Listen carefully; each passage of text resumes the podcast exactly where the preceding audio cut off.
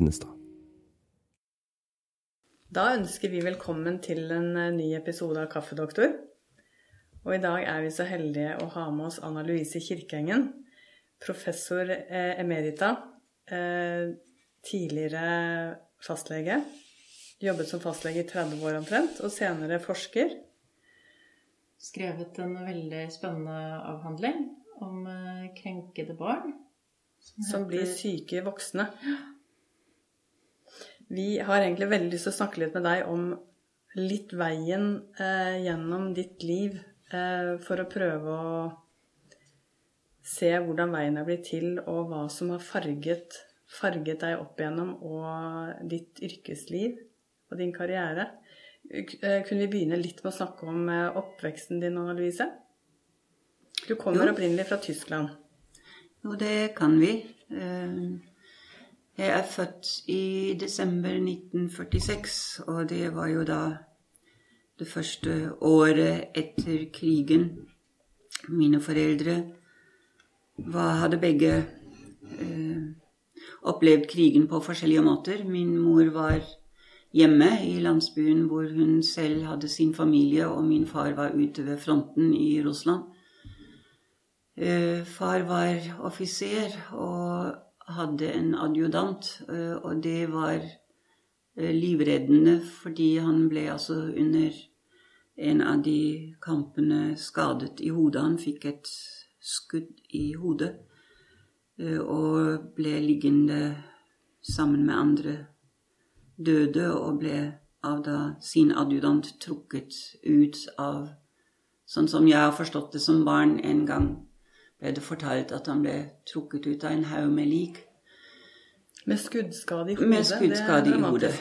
Uh, der manglet det faktisk, så lenge jeg kan huske, og så lenge han levde, et lite stykke i hodeskallet, fordi det ble aldri reparert senere. Det skulle ha vært innsatt en sølvplate, men det skjedde aldri.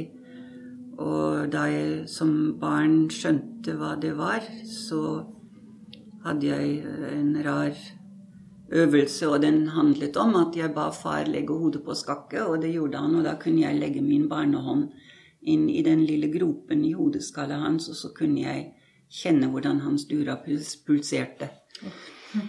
Eh, det hindret ham ikke i å bli både en veldig dyktig lærer og en veldig dyktig turner. Men poenget med, med, en, med en sånn I flere år hadde han eh, selvfølgelig eh, både funksjonsnedsettelse og språklige defekter. Eh, men alt dette overkom han. Men, eh, men altså, denne bakgrunnen handlet jo da om å være første barn av to unge mennesker som nærmest trosset uh, skjebnen. Fordi fornuftige mennesker Eh, skulle jo ha skjønt at man i en slik verden som de hadde opplevd, eh, ikke skulle ha barn. Men eh, det var altså selvfølgelig veldig, veldig mange unge mennesker som nettopp i denne situasjonen hadde et kolossalt behov for å skape, dokumentere, markere, formulere eh, håp. Så jeg er et barn av håpet. Eh, og samtidig så ble jeg da en kroppsliggjøring av dette håpet med alle de iboende forventninger til håpet. Så det er jo vakkert på en måte, da. Ja, men måtte jo, det måtte jo gå bra. Mm, mm. Uh, man måtte jo lykkes. Og uh, på samfunnsnivå samtidig så diskuterte man jo på det tidspunktet allerede, uh, ikke i mitt fødselsår, men ganske kort etterpå, det med samfunnsskyld og kollektivskyld og og individuell skyld. Eh, men vi som ble født i året etter krigen, vi kunne jo ikke klandres for noe, så vi, vi eh, ble kalt eh, nådens barn, altså nådegaven, å ikke være skyldig. Mm. Fordi man på en måte ikke hadde noe med krigen å gjøre? Ja. direkte, ja. ja. Samtidig som vi som ble født rett etter krigen, selvfølgelig vokste opp med traumatiserte mennesker overalt rundt omkring oss. Og ofte i dobbeltutgave, fordi mine besteforeldre var jo da også soldater under første verdenskrig. Mm. Det hadde ført til at begge to var meget skeptiske til eh, naziregimet, eh, som hadde noen konsekvenser, men det ville være for vanskelig å Eller det ville gå for langt å gå inn i. Men min oppvekst ble altså preget av eh, å vokse opp i en liten landsby hvor alle kjente alle, og alle også visste hvem som hadde spilt hvilke roller under krigen. Denne konteksten var så spesiell at jeg som barn eh, helt åpenbart ble influert av eh, voksne som både var skadet, som hadde sine erfaringer som de ikke kunne eller ville fortelle om i detalj, som hadde sine skal vi si sympatier eller antipatier mot ofte nærmeste naboer eller andre i familien. Sånn at vi barn i, i denne tiden, vi opplevde jo, og det har jeg skjønt mye, mye senere, vi opplevde at eh, det var familiesammenkomster hvor bestemte personer aldri var invitert, aldri kom. Eh, Det kunne være samtaler i naboskapet under innhøstingen eller eh, over hagegjerdet, hva vet jeg, hvor temaet ble skiftet når bestemte personer nærmet seg eller kom til. Eh, Hvor noen kom inn i rommet, og noen andre vekslet blikk, og det ble enten plutselig stille, eller det ble sagt noe helt annet enn det setningen ble begynt med. Så du ble god til å være stemninger. Ja, eh, jeg har selv formulert det på en måte sånn at jeg tror jeg ble oppmerksom på det som var mistenkelig i kraft av sitt fravær. Ja. Altså det som ikke var der. Tomheten og Ja, og mange, mange år senere, da jeg leste en bok om, om traumer, så var det jo et bilde på dette. Altså det var de sorte hullene eh, som alle kretset rundt, men ingen gikk til. Altså det angstskapende i det alle visste, men ingen tematiserte. Og, eller alle øh, var seg bevisst at ikke måtte tematiseres for å ikke forsterke smerten, for å ikke gjøre det umulig å fortsette å leve sammen. Jeg føler at det var en sånn kollektiv bevissthet dere barn imellom også, så dere snakket heller ikke noe om Det var en taushet bare barn imellom og mellom barn og voksne. Det var først og fremst og tausheter mellom de voksne, men altså vi barn ble jo veldig gode til å ikke gripe opp ting eller å spørre fordi vi skjønte at det ikke skulle spørres. Og det signaliseres jo på en måte at altså det ble ikke sagt 'dette snakker vi ikke om'. Eh, Du så det på de voksne som vek unna, eller de som plutselig ble taus, eller de blikkene som ble vekslet, eller den som gikk ut, eller noen som ble blek. Altså en, en masse tegn som formidler at stopp, her skal man ikke gå nærmere, eller dette snakker vi ikke om. Ikke sant? Her er det en grense, en Ja. glassvegg. Ja. Og det var ikke bare for vondt, det var for skyldbelastet, og det var for skambelastet. Altså skyld og kam, skam og smerte, det var jo de eksistensielle, skal vi si, materialiene dette var satt sammen av. Eh, og det var jo ikke noe som sto skrevet et sted før lenge etterpå. Eh, det kom til overflaten av og til, eh, en gang i året når eh, en spesiell gudstjeneste var viet til alle som var døde under krigen. Eh, Da var det jo Da, var, altså, da flommet tårene i kirken. Da var det en sorg som, som var så stor at man nesten eh, at, det nesten ikke var plass til, til mer. Eh, Men, men det var jo selvfølgelig da også som om idet kirkedørene ble lukket for denne dagen, så var det lukket igjen, og hverdagen måtte gå videre. Um, senere ble det skrevet en bok om dette temaet. Det var to tyske, uh, meget anerkjente psykologer, uh, Alexander og Margarete Mitscherlich, som skrev en bok som hadde tittelen 'Die Unfähigkeit zu trauern', den manglende evnen å sørge som beskrev noe av dette som var essensen av hvordan de voksne etter krigen i Tyskland manøvrerte rundt dette med skyld og skam og smerte.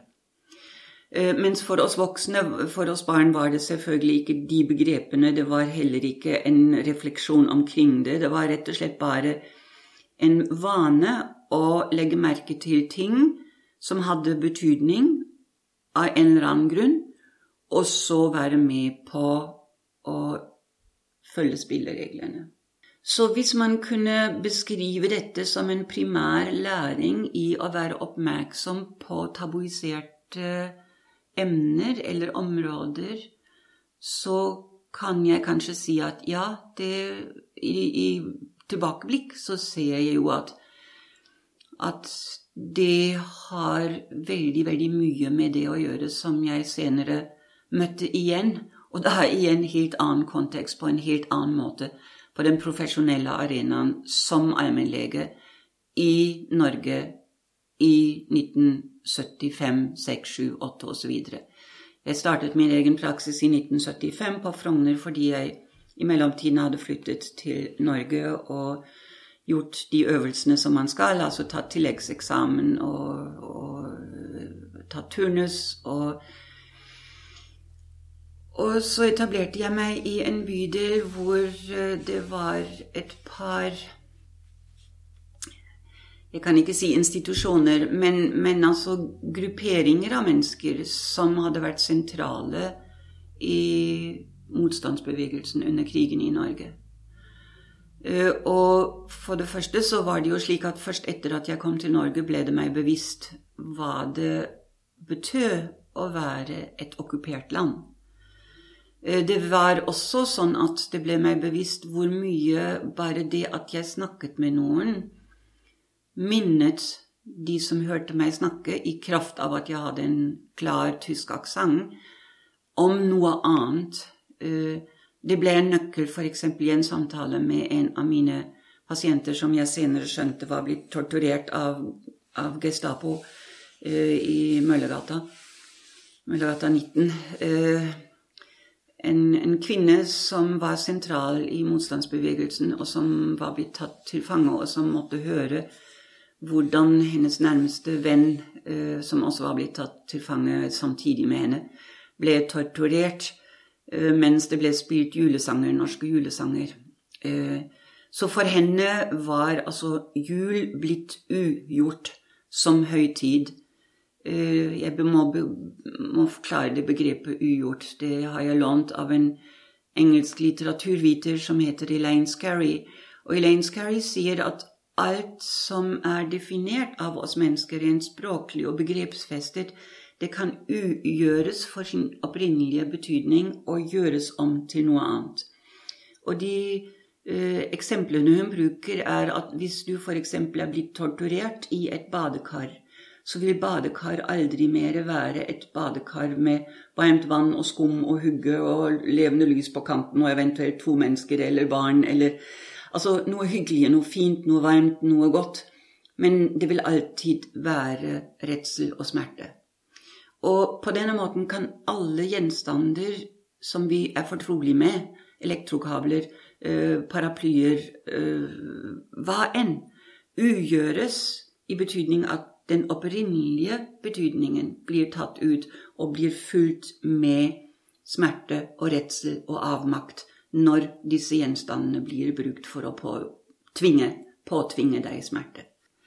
Eh, og når Alt vi kan, alt vi lærer, alt vi erfarer, alt vi forstår, er knyttet til sanselige erfaringer, så er det så logisk at disse sanselige erfaringene blir skrevet inn i kroppen vår på den nevrofysiologiske måten som vi har forstått hvis vi lærer nevroanatomi. Og når vi først har tatt dette innover oss, så skjønner vi også den kroppslige logikken som ligger i at f.eks. Eh, amerikanske Vietnam-veteraner som har fløyet helikopter. Da må det skytes inn helikopter, drivstoff har en helt spesiell lukt. At de får panikkanfall ja, årevis etterpå under eksperimentelle forhold, når de utsettes ved hjelp av nesespray for en ørliten uh, bit andel av denne spesielle lukten eh, som de kobler til helikopter og til redsel og til krigserfaring og til angst. De får Og da kan dette dokumenteres selvfølgelig ved at man samtidig tar SPECT eller MRI eller EEG eller hva det nå brukes for å dokumentere at det faktisk utløser en full, god panikkattakk i hjernen til voksne mennesker som er i sikkerhet, som vet at de deltar i et eksperiment, som har frivillig meldt seg for det, men som har en ballast av erfaring, som har en helt spesifikk olfaktorisk inskripsjon, altså en lukte et lukteminne. At de går straks over i full alarm Yes. Ja. Og den type minner er knyttet til alle våre sanser. For å komme tilbake til denne damen som da øh, Som jeg skjønte var blitt torturert. øh, det var knyttet til at hun hadde bedt min sekretær å slukke øh, det levende lyset. Vi hadde et stearinlys på venterommet fordi det var i adventstiden. Men altså, dette lyset kunne hun ikke tåle hvis hun etterpå skulle komme inn til meg. Eh, og vinter var blitt for henne en spesiell tid, men hun måtte fortelle meg at hun hadde tiltro til at jeg faglig kunne hjelpe henne, samtidig som hun hele tiden måtte tenke at jeg ikke var så gammel som at jeg kunne ha vært med på krigen. Eh, Det som, som eh, jeg på det tidspunktet selvfølgelig verken visste, tenkte eller hadde våget meg på, det er å spørre om hun også var blitt voldtatt. Eh, Jeg ville ha spurt henne hvis det var i dag, eh, eller hvis det hadde vært noen år senere. Fordi jeg vet jo svært ofte at kvinner som ble torturert under krigen, sånn som vi i mellomtiden også vet skjer i alle kriger, at nettopp seksuell eh, tortur trekkes inn som en torturmetode. Og da kan vi jo tenke oss hva det gjør med en kvinnekropp, med kvinnens bilde av seg selv, med hennes kvinnelighet, med hennes selvforståelse. Altså å bli seksuelt torturert, utsatt for seksuelle overgrep i en krigssituasjon hvor du er forsvarsløs, hvor du er totalt avmektig, hvor du er prisgitt en annens um, vilkårlighet. En, en større grad av å være utlevert kan man ikke tenke seg. Og den form for eksistensiell trussel, den berører jo alle nivåer av et menneskes eksistens. Fra ø, personlighet til cellen, til alle celler. Vi vet nå at det berører mitokondriene.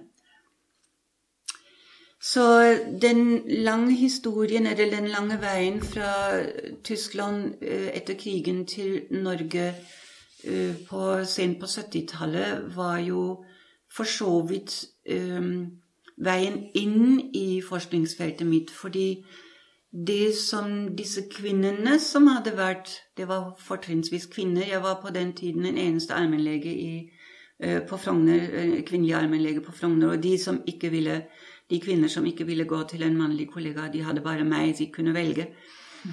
Um, jeg fikk tak i, eller jeg fikk vite, eller jeg fikk betroelser av helt spesiell art og helt spesiell natur av en som hadde kjørt ambulanse under blitskrigen i London, av en som tilhørte denne gruppen som sendte budskap til eh, Norge fra eksilregjeringen, til en som uh, var den eneste kvinnen som var med uh, uh, Kompani Linge tre i treningsleir Nursa. Altså fantastiske mennesker, fantastiske kvinner som også var sjenerøse nok til å gi meg muligheten til å både forstå hva som hadde skjedd under krigen i et helt annet sted, i et helt annet land, men også ga meg muligheten til å kunne være deres lege på et grunnlag av tillit fordi de ikke sorterte meg inn i skuffen 'fiende', 'farlig', eh, 'hold avstand'. Så eh, Ikke sant? Altså en, en blandet opplevelse av mennesker fullstendig in charge Altså med en høy grad av selvbestemmelsesrett, autonomi eh, og autoritet innenfor sine fagområder.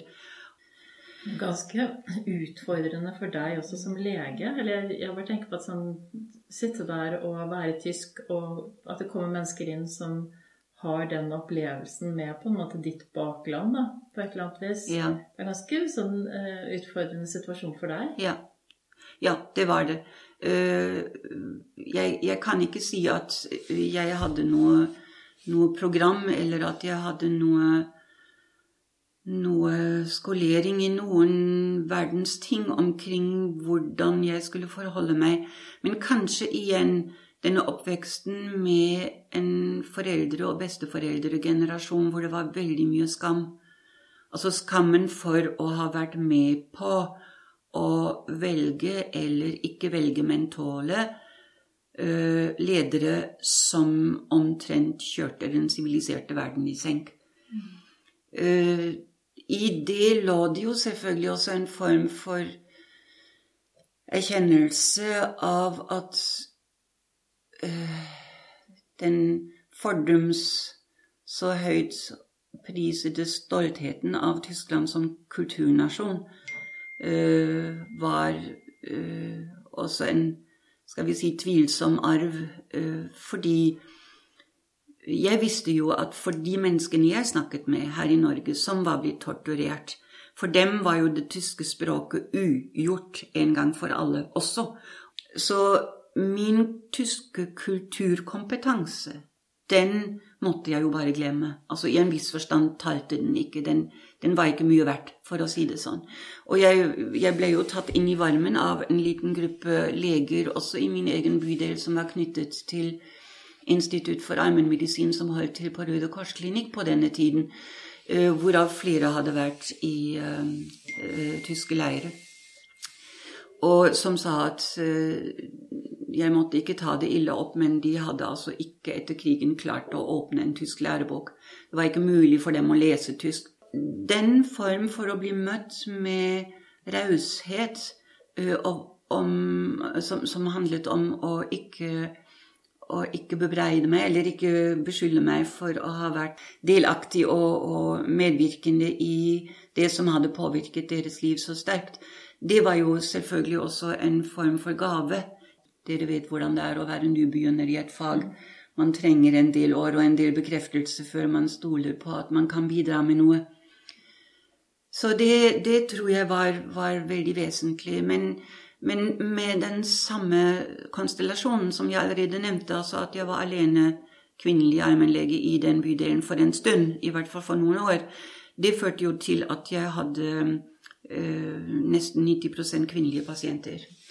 Uh, og der kom fenomener inn i konsultasjonene og i samtalene mine som jeg ikke hadde lært noe om på doktorskolen, og det var voldserfaring dette med seksuell voldserfaring uh, kom jeg jo da på spor av enkeltvis, ikke sant, hos enkelte av mine pasienter. Og det igjen var jo også forbundet med en skamopplevelse, fordi svært ofte skjønte jeg først i det øyeblikket jeg fikk vite noe om den seksuelle erfaringen, det å ha vært voldtatt, det å ha vært misbrukt, da kunne jeg jo skjønne at dette hadde gjort noe med deres helse, og med de problemene de presenterte for meg, som jeg jo hadde prøvd å gjøre noe med, eh, men fånyttes. Eh, sånn at denne gjentatte erfaringen av at selv om jeg gjorde mitt beste, så bevirket det ingenting, eller det ble egentlig bare verre, det førte jo til en form for erkjennelse som handlet om en sånn Stopp en hal. Hva, hva, hva, hva skjer her? Hva er dette? Hva er jeg i nærheten av? Og så startet jeg en bitte liten sånn hjemmeheklet studie på mitt, i min egen praksis.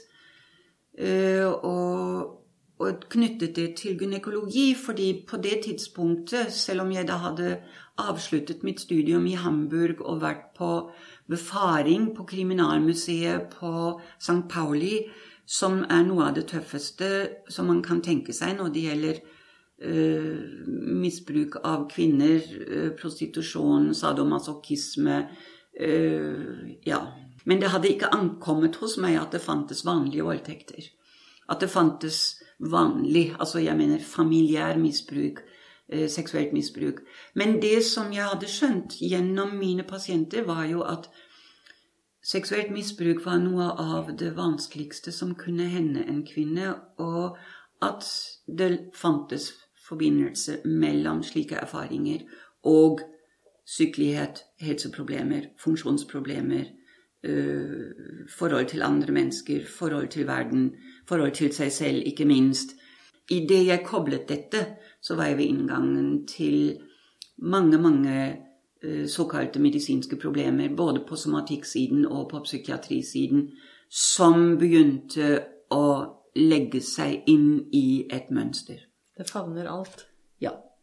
Så denne lille undersøkelsen, som da inkluderte 85 kvinner, som jeg alle hadde kjent, noen i flere år og noen i noen måneder Blant disse 85 var det 24 som bare ved hjelp av en veldig, veldig primitiv spørreundersøkelse kunne besvare at de hadde uønsket seksuell erfaring. Men altså det jeg samtidig skjønte, var jo at det var ikke kryssende eller ja eller nei på dette skjemaet som jeg hadde laget så finurlig, men hva som sto i kanten av arkene, og hva som sto på baksiden. Ja, Livet sto på baksiden. Og det er jo i seg selv nesten sånn ikonografisk for, for uh, forskningsteoretiske spørsmål. ikke sant? Altså Hvis vi går vitenskapsteoretisk inn i dette, så kunne man nesten illustrere med disse uh, spørreskjemaene hvordan det så ut når kvinnene faktisk tok mot til seg og skrev på baksiden av hva de hadde erfart. Og så kom neste steg, og det var av disse 24 som da på det tidspunktet lot meg vite noe om seksuelle overgrep. Og det behøver jo ikke være alle som var i den gruppen på 85, men jeg visste bare om én. Jeg visste rett og slett bare om én med sikkerhet at dette hadde hun fortalt, dette hadde, hadde jeg fått begrepsfestet, dette var jeg klar over. Og da kom den nye skammen, eller en ny type skam. Altså himmel og hav, hvor blind går det an å være? Eller hvor uvitende går det an å være og innbille seg likevel at man har skjønt noe? Men dette lille da ble til en artikkel som ble publisert i Scandinavian Journal of Primary Healthcare med hjelp av to veiledere på det tidspunktet, selvfølgelig, for jeg kunne jo ikke skrive, og jeg kunne i hvert fall ikke skrive på engelsk. Og det var, det var en, en, vanvittig leksjon i det ene og det andre. Men da skjønte jeg jo at jeg var ved noe.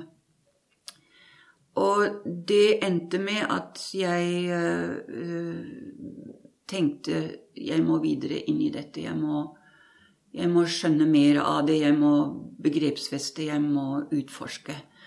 Uh, og et par år senere fikk jeg da stipendmidler fra Norges forskningsråd for å utforske sammenhengen mellom seksuelt misbruk i barndommen og sykdommer i voksenlivet. Uh, i den første lille studien min hadde jeg selvfølgelig skjønt at det gjaldt ikke bare dette området her. ikke sant? Altså seksuelle ø, overgrep manifesterer seg ikke bare i ø, underlivsproblemer eller mageproblemer eller Altså det gikk jo inn i urologien, det gikk inn i gastroenterologien, det gikk inn i gastrokirurgien, det gikk inn i ortopedi, inn i, inn i obstetrikk, det gikk Det berørte jo alle aspekter av perinatalomsorgen, det berørte øh, problematiske menstruasjoner, det berørte anoreksispørsmålet, øh, bulimispørsmålet Altså you name it. Igjen, som du sa, Lina, alt. Uh, og dette som da demret meg gradvis, det er hvordan jeg måtte snu perspektivet fra å si 'det berører alt', til å si 'det berører det hele'. Altså ikke alt i form av mengde, i form av samling av organer eller kroppsdeler eller eh, spesialiteter, ikke sant? Og det ble jo dokumentert i 1998, da den første store studien kom om sammenhenger mellom en belastende barndom og senere uh, sykelighet. Denne ACE-studien som uh, kom i samme år da jeg disputerte. Men det jeg på det tidspunktet hadde skjønt, det var at jeg måtte snakke med disse menneskene. Fordi det hadde de kvinnene vist meg med de historiene på baksiden av arkene. ikke sant? Og i kanten av, av spørs, spørsmålsskjemaene. Så kontakten som jeg da tok opp, var til to norske incestsentre. Det fantes bare to på det tidspunktet. Et i denne delen av landet og et lengre nord. Eh, og eh, personalet ved incestsentrene de hjalp meg å bekjentgjøre for deres brukere at jeg ville snakke med folk som ville snakke med meg om hvordan deres erfaringer hadde påvirket Eh, deres liv og deres helse. Men de 34 dybdeintervjuer ble da analysert. Eh, jeg fikk hjelp og en veldig, veldig dyptgående og solid og grundig veiledning av sosialantropolog Tordis Borchgrevink her i Oslo ved Institutt for samfunnsforskning. Eh, og vitenskapsteoretisk assistanse av Trond Berg Eriksen, som på det tidspunktet nok var eh, Norges ledende idehistoriker. Og så hadde jeg veiledning av eh, en eh, medisiner, altså Åsa Rytter Evensen, som var delvis på instituttet og delvis i allmennpraksis på Røa. Det ble en avhandling som har en forståelsesramme, et rammeverk, Eh, som er totalt umedisinsk, nemlig hermeneutikk og fenomenologi. Eh, derfor måtte det også bli en monografi. Eh, jeg kunne ikke stykke dette opp i artikler. Jeg kunne ikke bit, lage biter av dette. Jeg måtte legge frem disse analysene, fordi i løpet av disse analysene og ved hjelp av fenomenologisk metodologi og hermeneutiske regler, så kunne jeg ved å gå inn i disse tekstene ordrett få frem fortellinger om det som jeg da kom til å kalle kroppslige innskrifter. Altså innskrevet i kroppen. Eh, derfor ble det tittelen da min avhandling ble to år senere omgjort til en bok. 'Inscribed Bodies', som hadde en dobbel betydning. Altså innskrevne kropper, noe som er innskrevet i kroppen i dypeste forstand ved å berøre kroppslige funksjoner og, og um, Jeg kunne på den tiden ikke si den kroppslige fysiologien.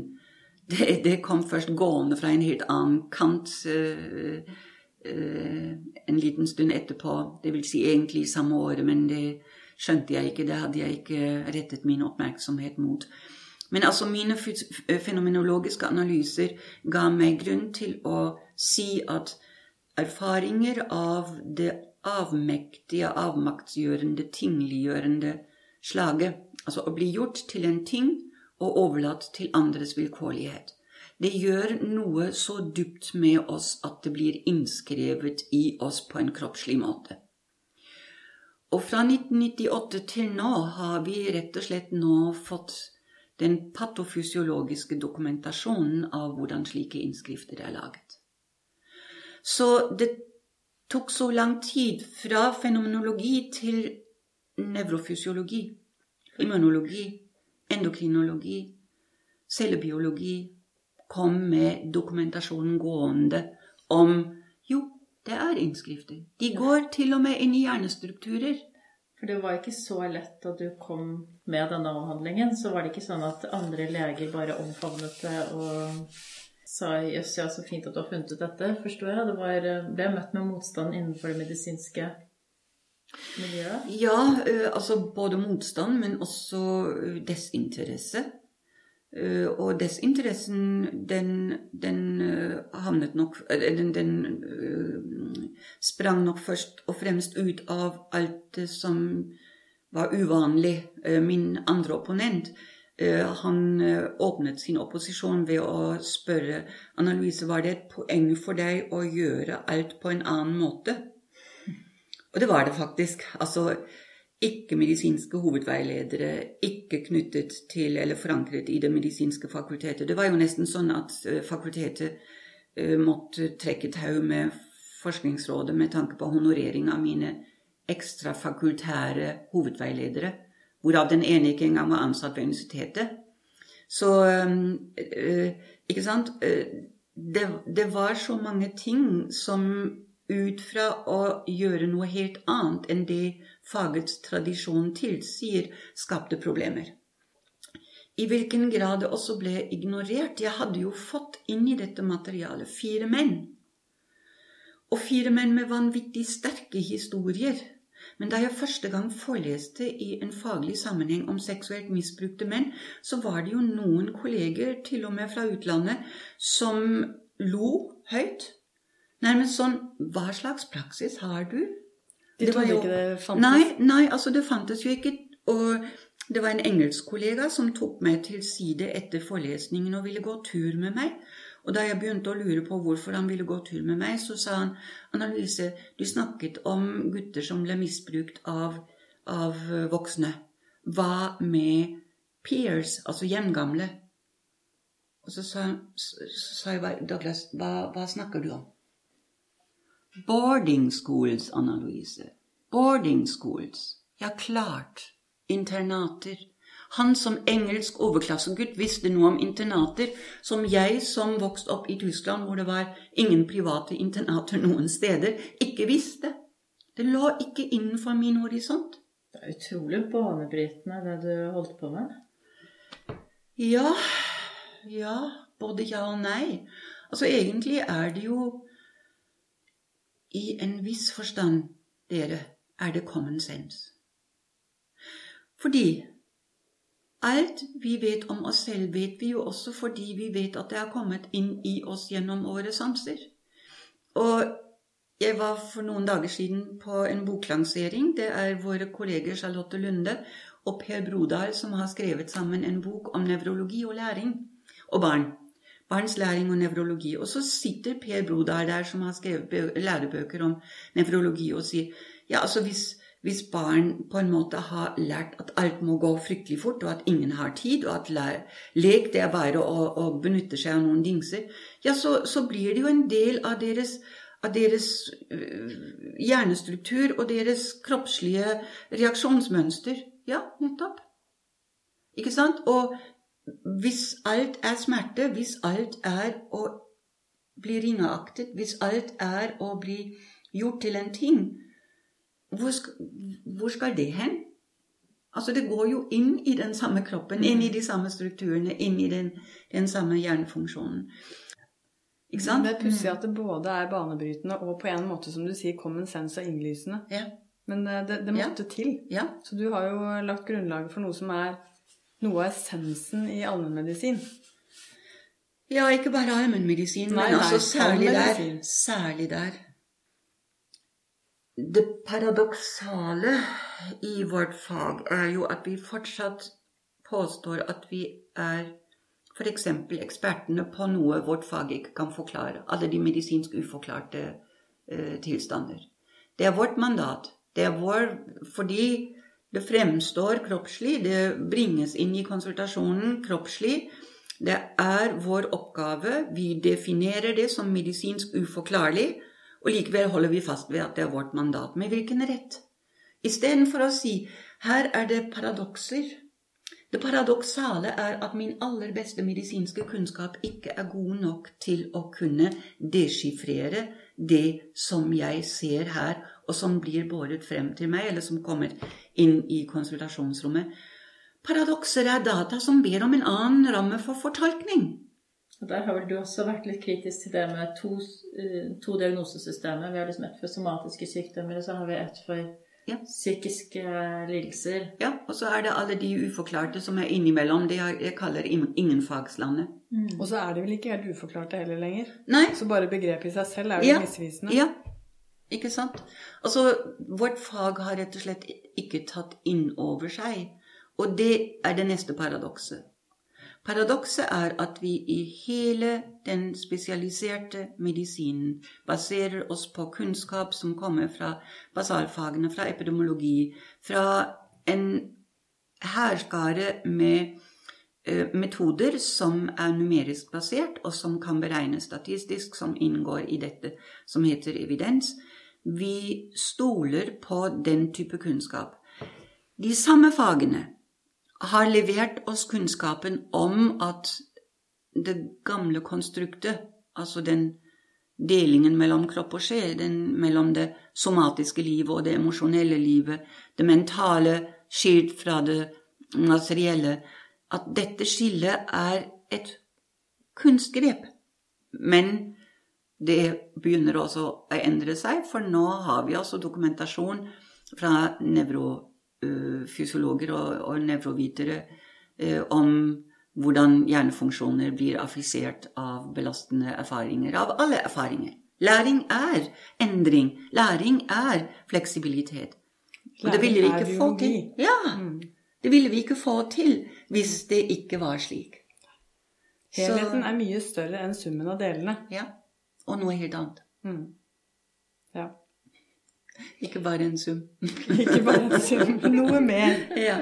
Men det er dette noe mer. ja. Men altså, der er vi nå at eh, kunnskapen som hva metode skulle være av første rang, ser ut til å bli annenrangs av sitt emne. Lenge. Vi ønsker ikke å ta inn over oss at vi mennesker er i stand til å tilføye hverandre så dyp smerte, så dyp fornedrelse, så dyp utmykelse, så dyp tingliggjøring, så radikal tingliggjøring, at det gjør noe med oss på alle eksistensielle nivåer. Og særlig ikke med barn, fordi vi ønsker jo selvfølgelig å opprettholde illusjonen om at vi lever i et sivilisert samfunn, og da gjør man jo ikke sånn med barn. Mens dokumentasjonen omgir oss til daglig. Altså ta opp en ø, dagsavis og se hva voksne kan gjøre med barn. I lille Norge. Fredelig, rik, lykkelig. Jeg tror det ligger mye der. Jeg kjenner selv hvor overrasket jeg har vært. Hvor blåøyd jeg var før jeg ble allmennlege, og hvor vanlig det fenomenet er. Mm, Eh, Så man må, jo, man må jo åpne opp for å se det. mm. Ja. Man må ville se det. Ja. Vet du, Jeg tror vi kunne egentlig snakket i veldig mange timer. Det skulle jeg veldig gjerne gjort, men vi må vel nesten runde av. tenker kanskje du kunne bare runde av med noen eh, ord om eh, Hvis du skal liksom nye, nye generasjon leger, da. Du underviser jo eh, leger. eh, alle kommende allmennmedisinere. Hva er det liksom hovedbudskapet ditt til dem?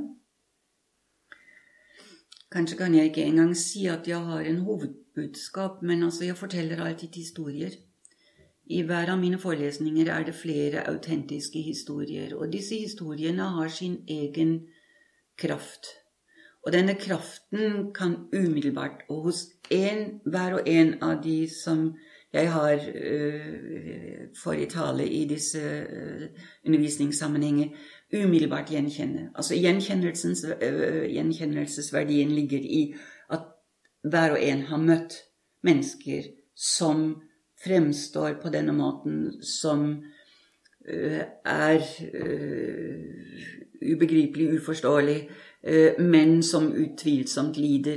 Altså hvis denne erfaringen blir tatt på alvor, og hvis denne erfaringen blir utvidet med en kunnskap om at det finnes en sammenheng mellom hva man har erfart i livet, særlig fra tidlig i livet, og hvordan man fremstår i voksenlivet senere. Der er det en, altså en åpen arena, nærmest. Hvis man fordomsfri og åpen og ikke minst nysgjerrig går inn i den, og også hjelper pasienten til å forstå at det som får meg til å undres, først og fremst, til å spørre, til å lure, det er at vi har kunnskap som tilsier at det finnes en sammenheng mellom den komplekse sykeligheten du har, de sykdommene du har, og at du har hatt faser i ditt liv hvor det har vært mer enn tøft eller mer enn vanskelig. Kan det hende at det også er tilfellet for deg? Altså en generalisering ved å si det er medisinsk relevant hva du har opplevd. La meg vite. For være med å utfylle narrativet, på Ja. en måte. Sette Ja. det sammen til en Ja. helhetlig, forståelig historie. Ja. Og forståelsen i seg selv kan hjelpe pasientene. ja, det gjør det. Det gjør det. Det syns jeg var en veldig fin avslutning. Da må vi få si tusen, tusen hjertelig takk for at du ville være med. It was my pleasure.